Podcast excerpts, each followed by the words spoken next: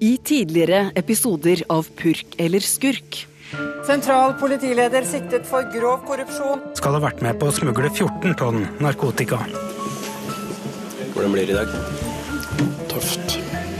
Gruer deg? Det er noe som heter yrke, som vi pleier å spørre om. Jeg har ikke, har ikke merket. Nei. Altså Vi som pleier å gå mye i retten, vi har jo ofte en magefølelse hvordan dette ender. Det har ikke denne saken. altså. Du hører på Purk eller skurk, en krimpodkast fra NRK Nyheter med Runar Henriksen Jørstad.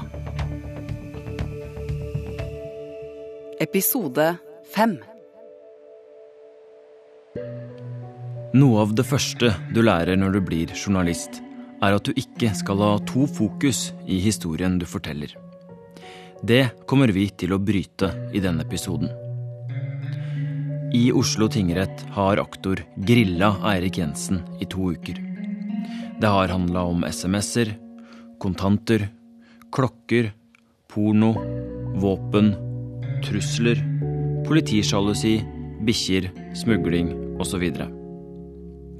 Vi har til og med fått sett Gjermund Cappelen sine strektegninger av Jensen sitt hus. Jensen har svart på hundrevis av spørsmål. Jeg håpa jeg også skulle få stille han et par, men det ville han ikke. Ta det Simen er ferdig. Vi kommer tilbake til det som har skjedd i sal 250.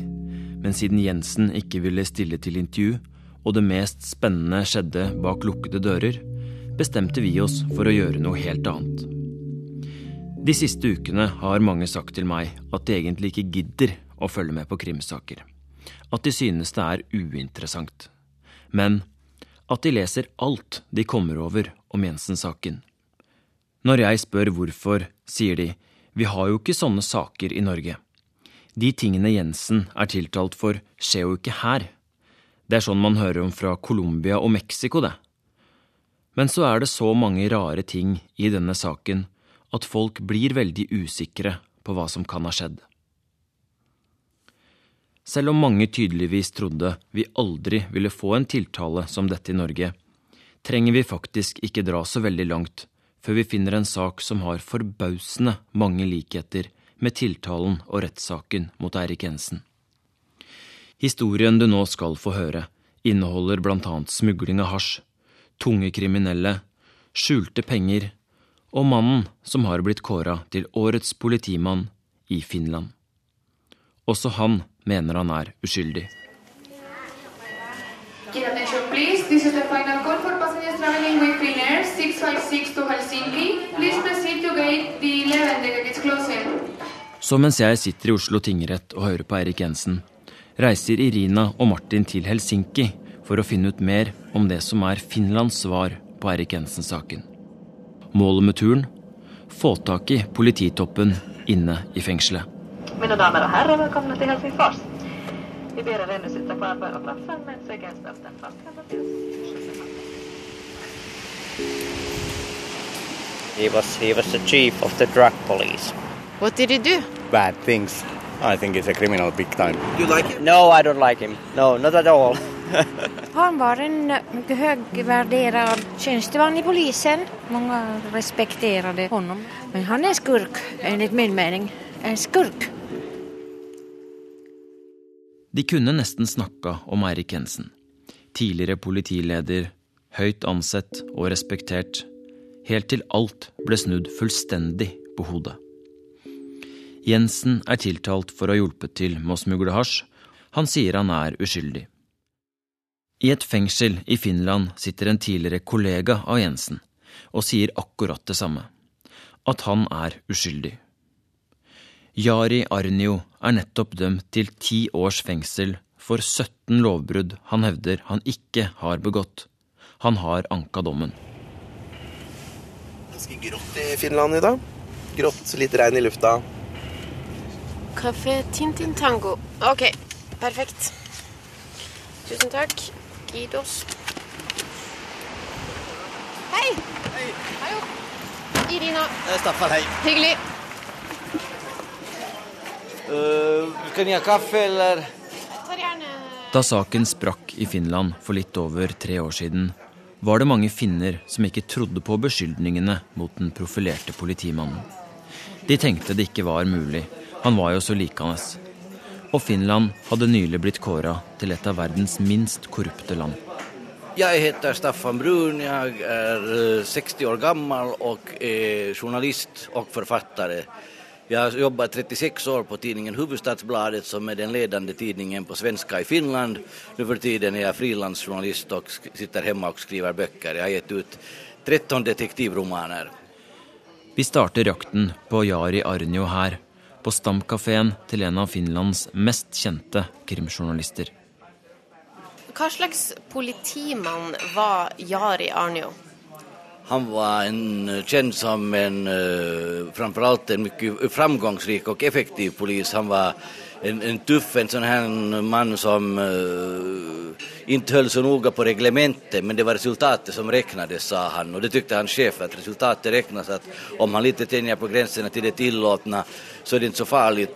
Han var valgt i årets polis, en kjent polis, og man visste at han hadde blitt utsatt for attentat av knarkligor. De hadde kastet inn en bomb i hans trädgård som han selv desarmerade mye skikkelig. Så att han var en, uh, han var en, jag menar inte en James Bond, men han var altså en, en uh, urtypen for en sånn här hjältepolis. Og sen ändrades jo allting. Mye plötsligt. Hvor sitter han i fengsel?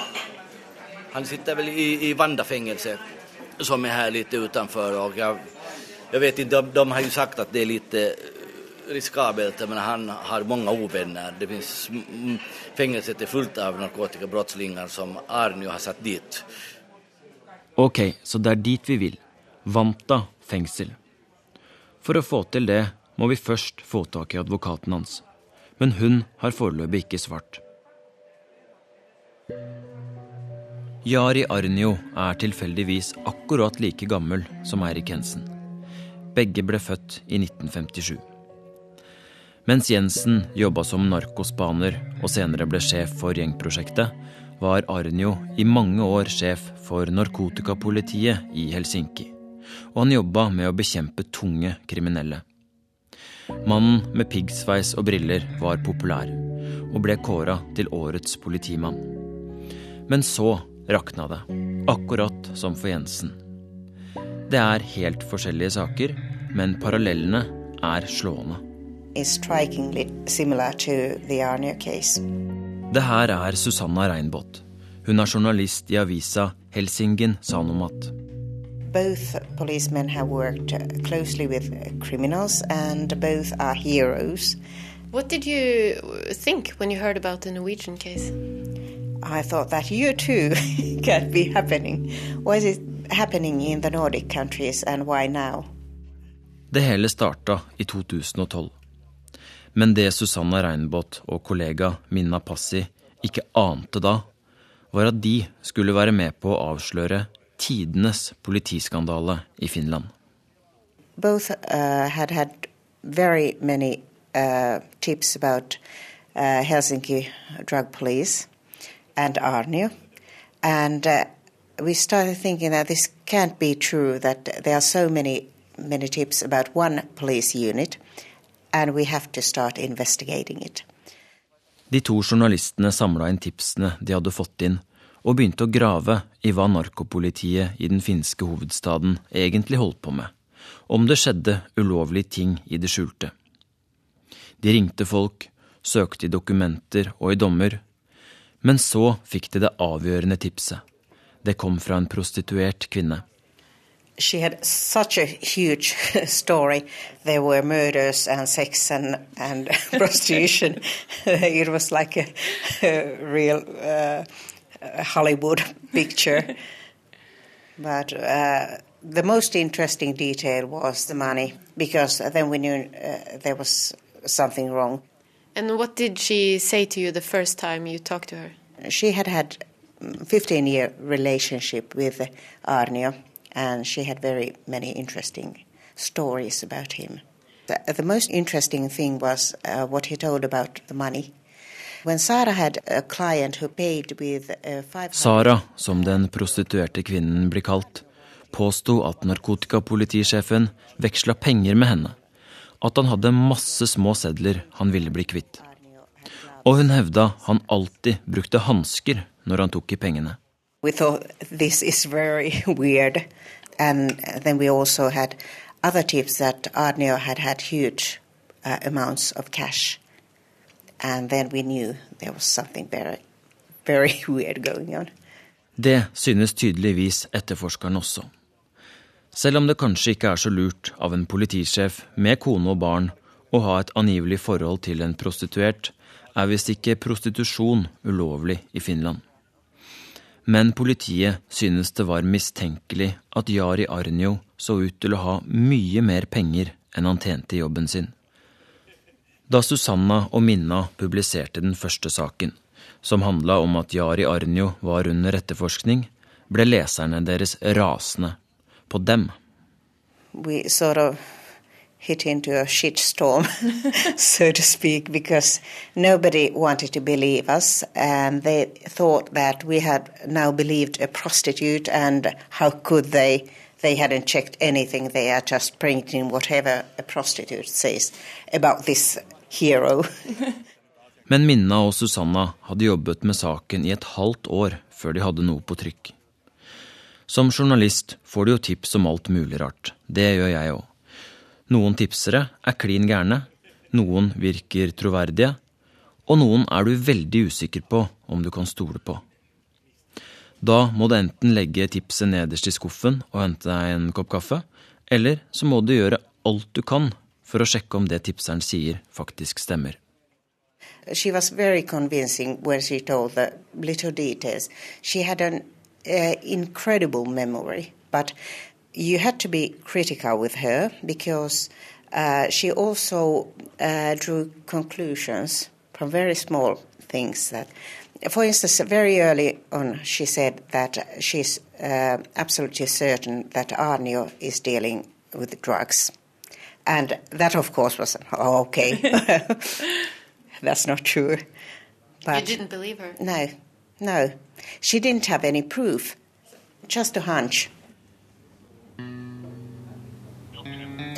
Hello, this is Irina Kjelle calling from uh, Oslo, Norway. I'm a journalist at uh, NRK. Do you speak English? Botgo England? Okay, great, thank you. Det er mye i denne historien vi gjerne skulle spurt Jari Arnjo om. Jeg lurer også på om han kjenner Eirik Jensen, og om han har hørt om rettssaken som pågår i Norge nå. Arnjo og Jensen har jo tross alt leda politiets innsats mot de hardeste kriminelle miljøene i hver sin nordiske hovedstad. Vi får endelig tak i Arnios advokat. Hun sier hun skal høre med han om han vil snakke med oss, men hun kan ikke love noe. Dessuten må vi ringe sikkerhetssjefen i fengselet for å høre om vi i det hele tatt slipper inn. check if it is okay that we can, can come into the prison.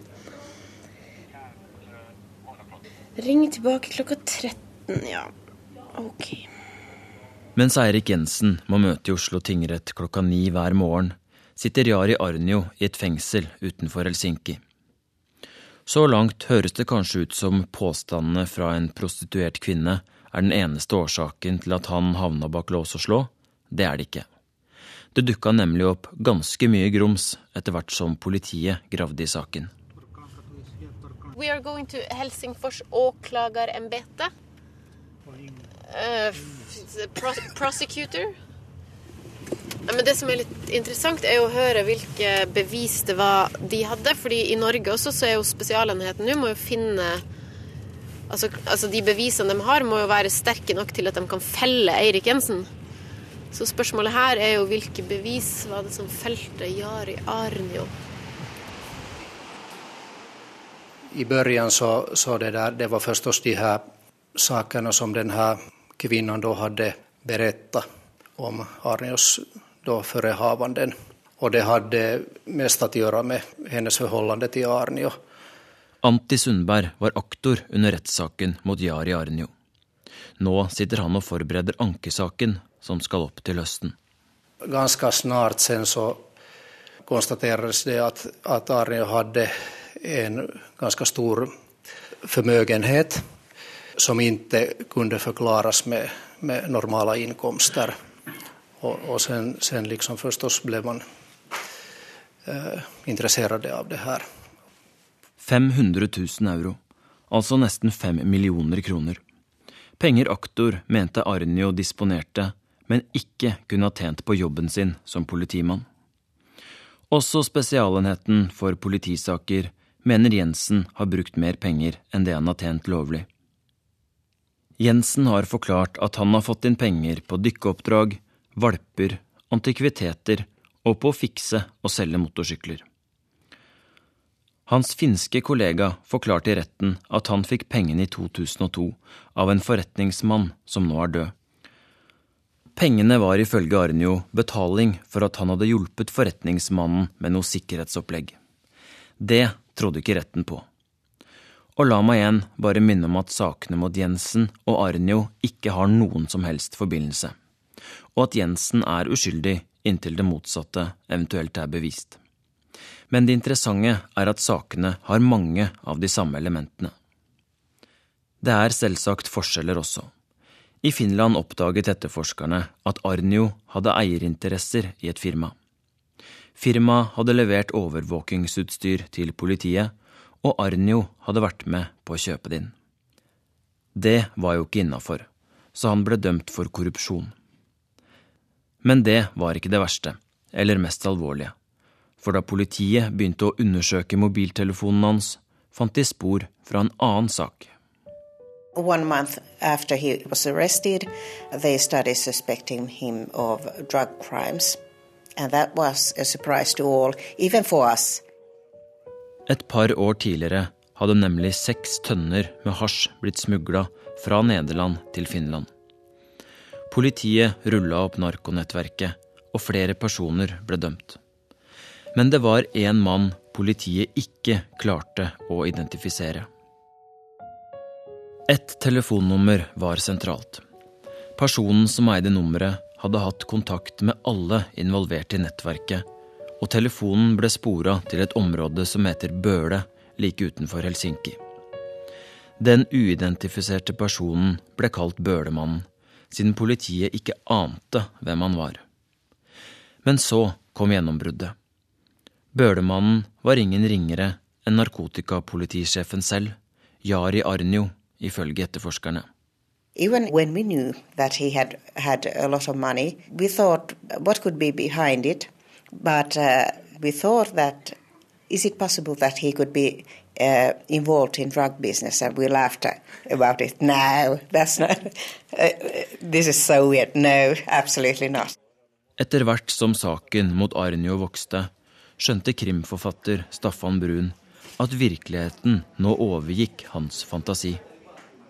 Ja, det, det, är bättre än en krimroman. Jag har skrivit 13 krimromaner och eh, skulle jag ha beskrivit det här fallet Arne så skulle folk ha sagt att det där, så där kan ikke ske. Det har ingen trovärdighet. Att eh, narkotikapolisens chef också är chef för knarksmugglarligan. Arne visar ju att eh, vi brukar tala om bananrepubliker men bananer tycks växa jävligt mycket längre norrut än i Colombia och Honduras. Politiet mistenkte altså narkotikapolitisjefen for å ha smugla hasj fra Nederland til sitt eget hjemland. Men det er mer her. For mens Jensen hadde ca. 30 000 liggende i garasjeveggen, fant finsk politi masse penger nedgravd i hagen til Arnio. Om jeg ikke minst aldeles feil, så var det 60 000-70 000 euro som hittades i en, en hink nedgravd på Arnios gård. Og det er mer. Da når det begynte å brenne under føttene, forsøkte han iscenesette en uskyldig mann som uh, den som da egentlig har stått for denne hasjsmuglingen, for å selv komme unna. undan. Og det er faktisk enda mer. Arnio prøvde, ifølge dommen mot han, også å få en annen fyr som var involvert i hasjsaken, til å trekke forklaringene han hadde gitt til politiet. Arnio hired two gang members to go to the guy's lawyer and say that your client must change his story or we will kill him and before that we're going to claim that he's a pedophile. Uh, what? A pedophile.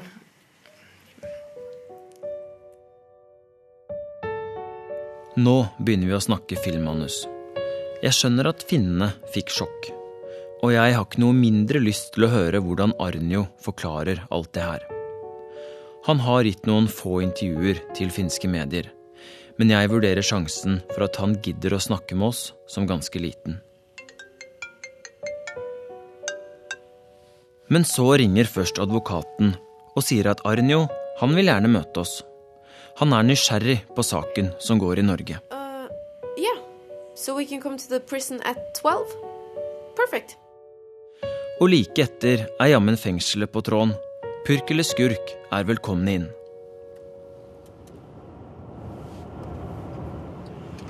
Ja, her står det Vandan Vankila. Vanda fengelse. Skal vi se der, vet du. Ja. Vi er jo litt tidlig ute. OK, thank you. Her var det bare å gå inn. Skal vi se. Yeah, so you have to go through that. We have some equipment. You can put all the stuff here. Hei. Hei. Å ja, du er tolk. Vi har leid inn en tolk, siden Arnjo sier han ikke er så stø i engelsk. Tolken er hun som etter hvert snakker svensk. Og jeg, altså jeg tolker jo ikke svensk, så jeg skal det var litt dumt at jeg kom inn.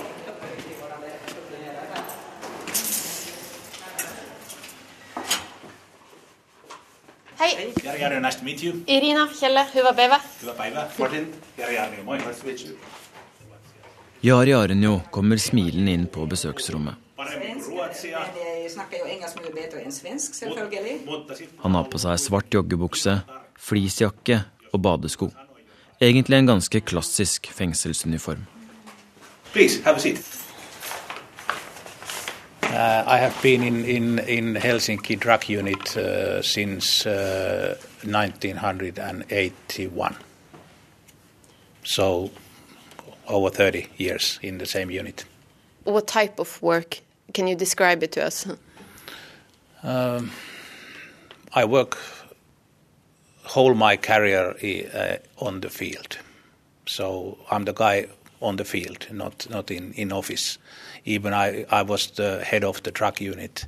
I, I was on the field. I, I was arrested people and made home search and uh, make hearings and and uh, wiretapping and and everything because I I wanted to do it so that uh, I really know what's happening on the field. Han mener det er feil mann som sitter i fengsel. At det hele skyldes manglende forståelse for hvordan spanere jobber med informanter. At det nasjonale politiet i Finland, sentralkriminalpolisen, som kan sammenlignes med norske Kripos, er i konflikt med det lokale politiet. At alt egentlig handler om sjalusi internt i politiet, fordi han var populær og oppnådde resultater, sier han. I think that's the main point, the whole case. When you work so close to a criminal environment and you have informants and you are out on the street, uh, is there times when when you have to kind of cross the line? There can be no time when uh, when you have to cro- cross the line, but uh, there are very very different situation. But the main point is that uh, the informants are so important for us. So there are, very difficult uh, situations when there are, are, high criminals, there are, are, a lot of weapons, drugs, money, and an informant is in the middle of the field. Afterwards, some wise guys can say, "Oh, you decided it totally wrong. You should do that and that and that." Eirik Jensen, he has a personal relationship uh, to uh, at least one of his uh, informants. Uh, did you were you friends with some of your informants? No, you cannot be a friend, but you can uh, be like a father or mother. So. Um, these informants has a lot of problems in their civilian life and our court said that it's not my work to help them if they have uh, some uh, difficulties in their own life. This is not my work. I can call them or, or send message, can you tell me something about a crime? And that's okay. But, but all things uh, around uh, this court says that it's, it's not my work. Mä olen sier han har en helt annen oppfatning, og at politiet alltid har ansvaret for informantene. Først ble Jari Arnjo dømt til tre års fengsel i korrupsjonssaken med overvåkingsutstyret. Så, rett før nyttår, ble han i tillegg dømt til ti års fengsel for innførsel av flere tønner med hasj. Han har anket, så dommen er ikke rettskraftig. Men dommen inkluderer også truslene vi hørte om. At han skal ha prøvd å få en uskyldig mann mistenkt, og at han skal ha stukket kjepper i hjulene for etterforskningen. Han nekter for alt. Sier han ikke har vært med på å smugle hasj, og at han ikke er Bølemannen, mannen som styrte hele narkonettverket. You ask about this Böleman. We have uh, several informants. They contact us. We contact them. We have uh, a lot of um, tekstiviestejä. Yeah, yeah. Messages, messages, yes. But uh, for me, it's it's um, it's um, bad luck uh, bec- because I live nearby Pasila police station. I near I live at uh, 200 meters, and these um, telephones main location were in Pasila, and this is the Pasilan mies.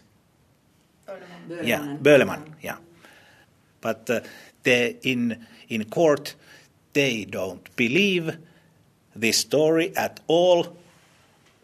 The court says that no, these phones are not for the informants. You have some other telephones with, with informants. Why do you think they don't believe it? They have, uh, he ovat rakentaneet tarinan. Alltså de har själva byggt en eh, historia, en berättelse, Joo. fortelling på norska. Ja, ja tarinaa vastaan on erittäin vaikea puolustautua. Och det är väldigt eh, vanskligt att försvara sig mot den här fortellingen. Den tidligere polititoppen påstår altså at etterforskerne har misforstått alt sammen. At telefonnummeret de mener tilhører Bølemannen, og som de mener var sentralt i forbindelse med narkosmuglinga, er nummeret som brukes av politiet når de har kontakt med informanter. Det er jo litt spesielt at sjefen for narkopolitiet i Helsinki ble arrestert like før Eirik Jensen ble tatt her i Norge, og at vi plutselig har to ledende, høyt betrodde nordiske polititopper som er enten tiltalt eller dømt for grov korrupsjon og medvirkning til narkotikakriminalitet, og at begge mener de er uskyldige og har havna i den situasjonen de er i av jobben de har gjort. Jari Arnio sier han ikke kjenner så godt til saken mot Eirik Jensen, men at han gjerne vil høre mer om den. Han synes den er interessant. Så vi fortalte litt om tiltalen og hva slags politimann Eirik Jensen mener han har vært. At mottoet hans var at alt starta og slutta med et håndtrykk, og hvor viktig dialogen med de kriminelle var. Very good, very good. We have do the same in in Helsinki, and we are very famous in Europe level. Uh, I have in my unit a special group. We call it Nyrkki. Uh. Their role was on the street that they every day they have to meet some bad criminals, organized crime, and, and, and so on. We, we have very good connection with these motorcycle gangs in Finland. And I think you know that we have uh, succeeded it very good in Finland that they don't, these gangs fight with each other because the drug police is between there, this shaking hands method, and that works. Arnio synes det er mange likheter mellom hans sak og saken mot Eirik Jensen. Han sier han ikke ble overraska over at det kom en sånn sak i Norge. Han mener det kunne skjedd hvor som helst, i hvilket som helst land der politiet jobber med informanter på denne måten. Også i saken mot Arnjo var penger helt sentralt. Men han nekter for at de kommer fra narkosmugling. I told uh, in court uh, where I got the money 2002. There is no connection with drug crimes or, or any criminals. The police also found money in your backyard. It was dug down. If you look at the case from outside, a person having dug down money in the backyard, that seems kind of suspicious. Yes, that's true. And uh, you have to remember when they found it. They found it uh, uh, seven months after I was arrested. And that's very interesting. They uh, made home search when I was arrested. There were dogs and, and, and so on, and uh, they didn't uh, find anything. So you mean that somebody planted? Yeah, of course, because my house was in every magazine, TV, and it was a sightseeing place.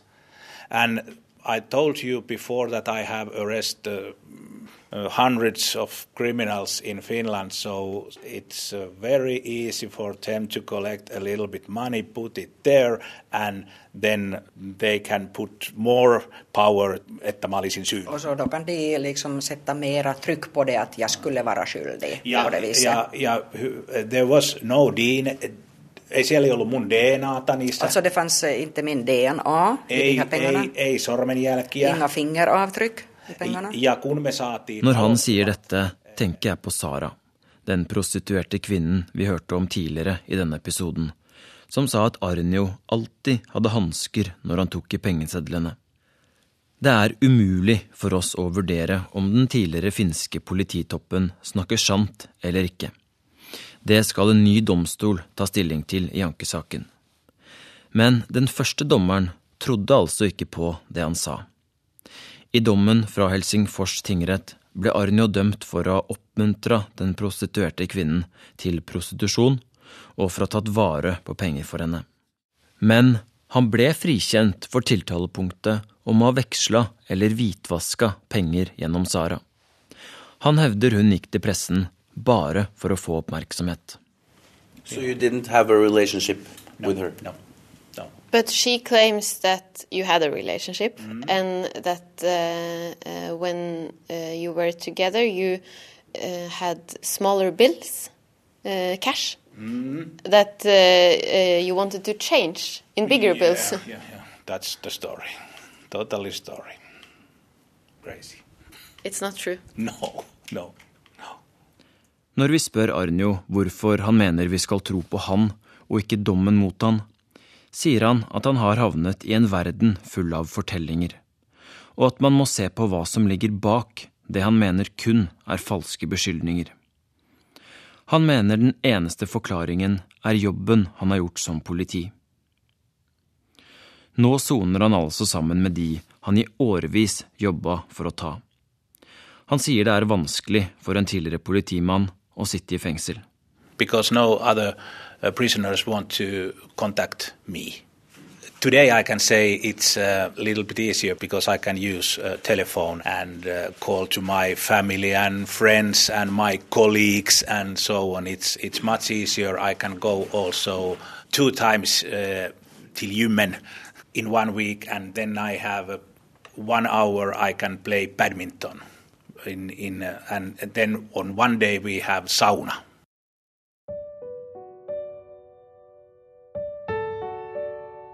Utradisjonelle arbeidsmetoder, intern sjalusi, forhold til informanter. Det er interessant å høre en politimann i et naboland fortelle så mye av det samme som det Erik Jensen gjør i Oslo tingrett. Jeg tenkte Jari Arnjo kanskje hadde møtt Eirik Jensen i løpet av deres lange politikarrierer. Men finnen tror ikke det. Han husker det i alle fall ikke. Men akkurat idet Irina og Martin skal takke for intervjuet inne på besøksrommet, kommer Jari Arnio helt uoppfordra med en hilsen til mannen i sal 250. I want to say to, Oslo colleague that uh, uh, fight hard. Win your your case, and uh, I know how difficult uh, work he has done.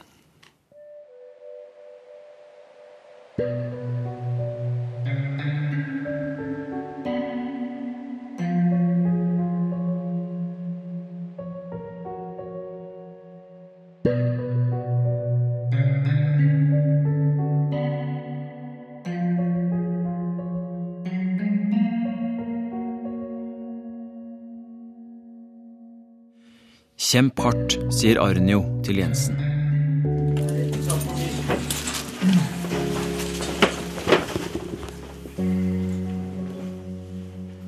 Vi skal tilbake til Oslo tingrett, der det har skjedd mye de to siste ukene.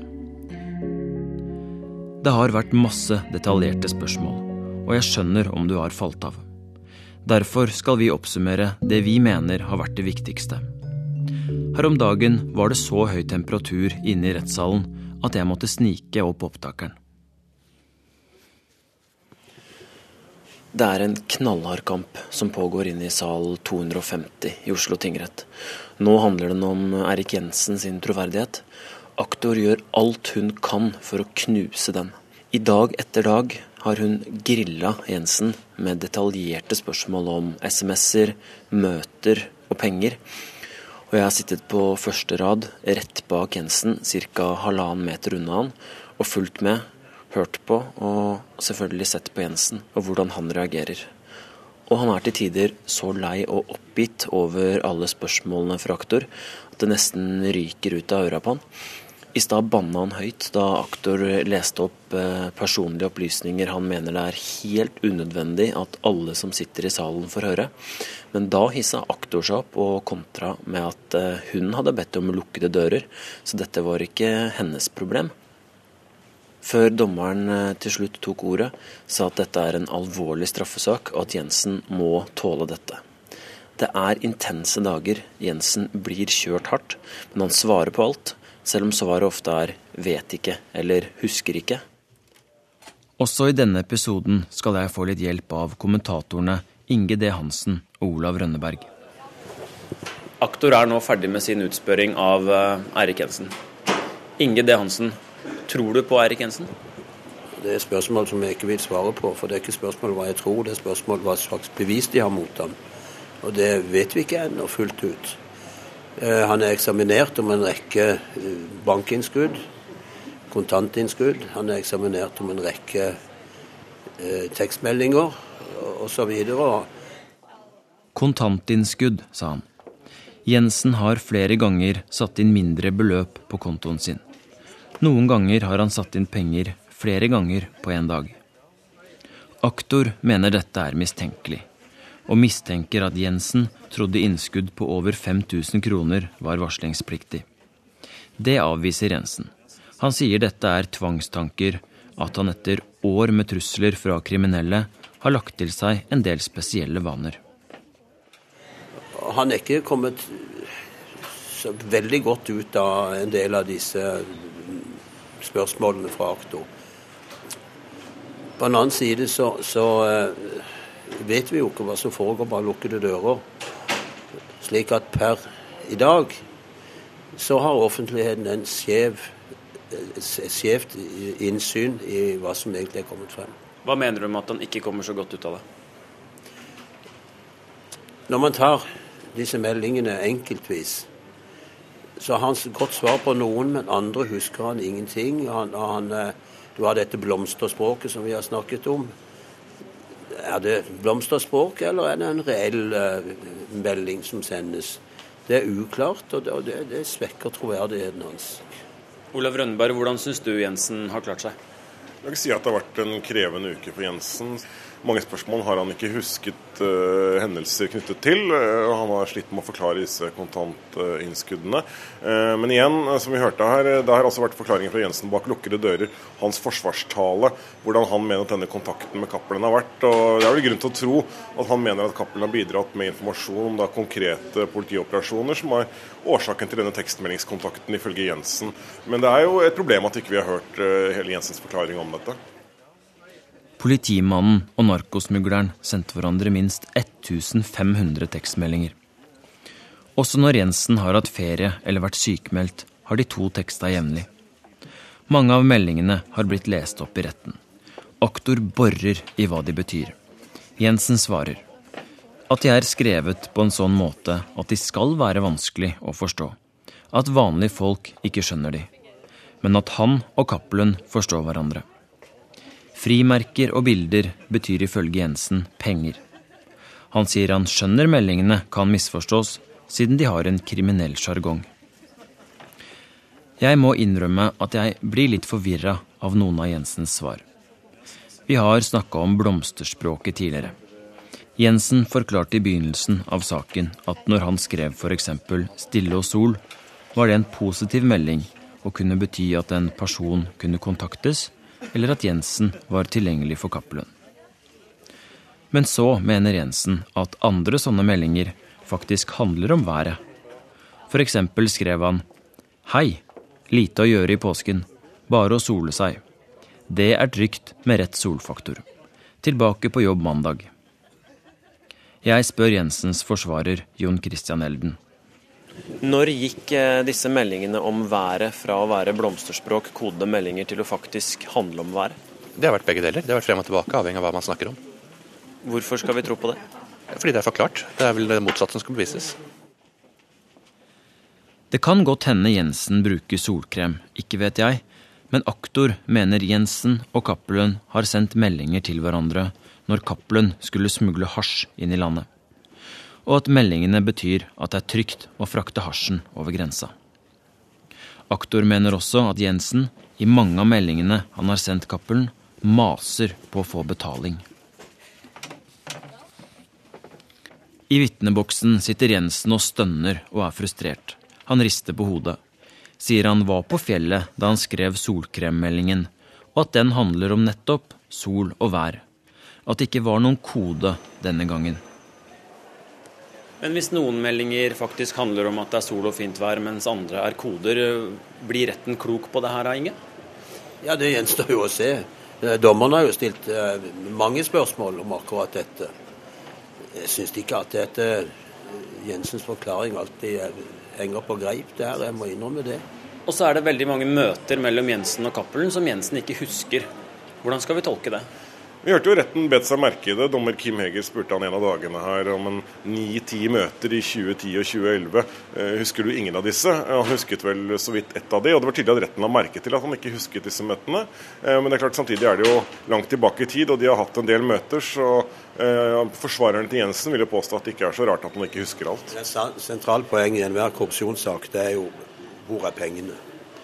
Og hvor mye penger dreier det seg om. Ifølge tiltalen så dreier det seg om 2,1 millioner, som Jensen skal ha mottatt av Cappelen over en periode på flere år. Men poenget mitt er, eh, sånn som jeg ser det nå, så eh, syns jeg ikke at aktoratet har klart å påvise at han har mottatt særlig med penger fra Cappelen.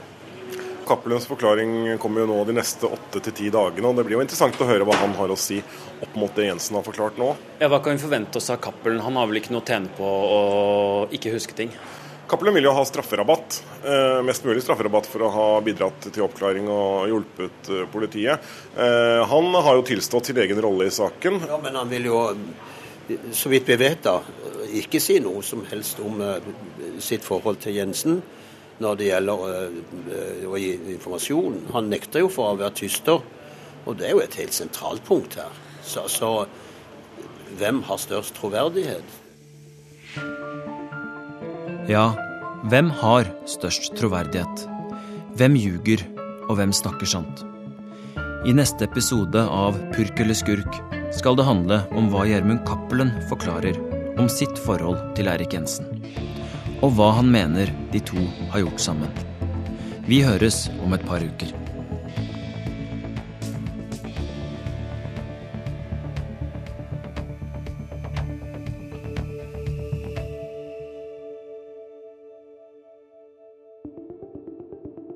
Vi som lager Purk eller Skurk, heter Runar Henriksen Jørstad, Lillian Grønning, Martin Giæver og Irina Kjelle. Musikken den er av Jane Kelly og Sindre Hotvedt.